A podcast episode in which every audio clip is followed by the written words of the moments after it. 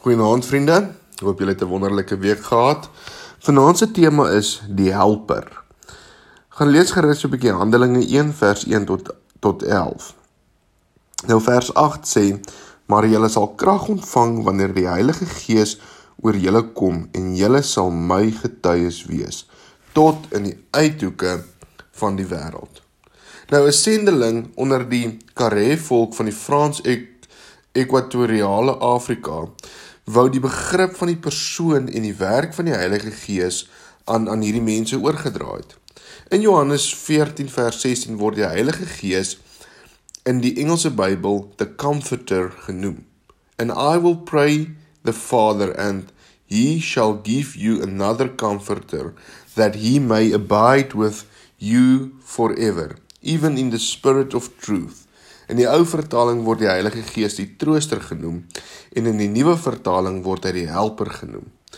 Nou daar word vertel hoe hierdie vrou aan hierdie mense die werk van die Heilige Gees probeer verduidelik het. Sy het gesê hy ondersteun ons.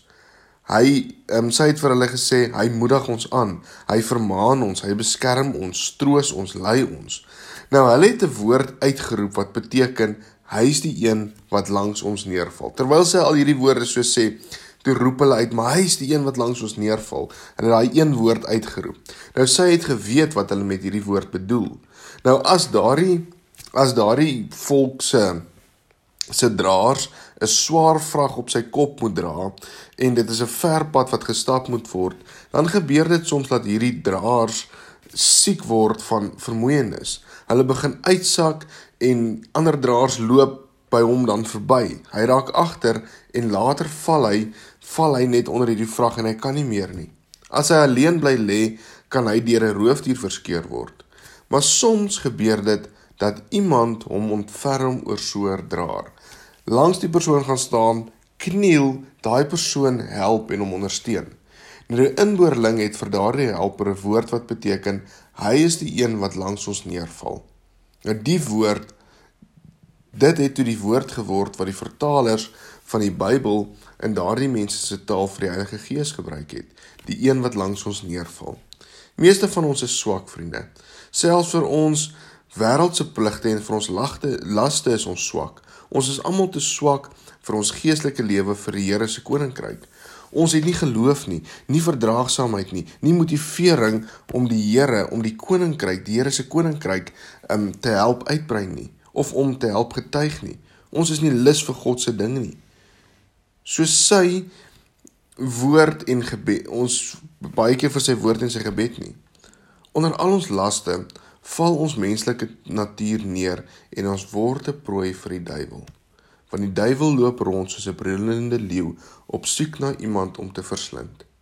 Die Heilige Gees wat in ons hart kom woon, wanneer Christus, wanneer ons Christus aanneem as saligmaker, dit ondersteun ons om vrag te kan dra.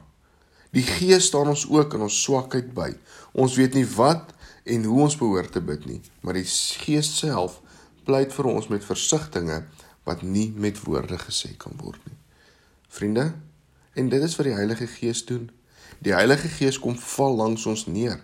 Die Heilige Gees kniel langs ons. Die Heilige Gees stel ons op en die Heilige Gees dra ons.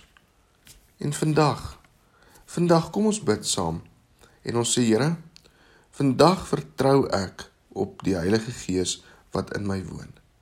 Dankie vir die Heilige Gees wat my sterk maak. Dankie vir die Heilige Gees wat in my woon en wat langs my neerval om my op te tel en my te help. Amen. Mooi dag vir elkeen van julle verder.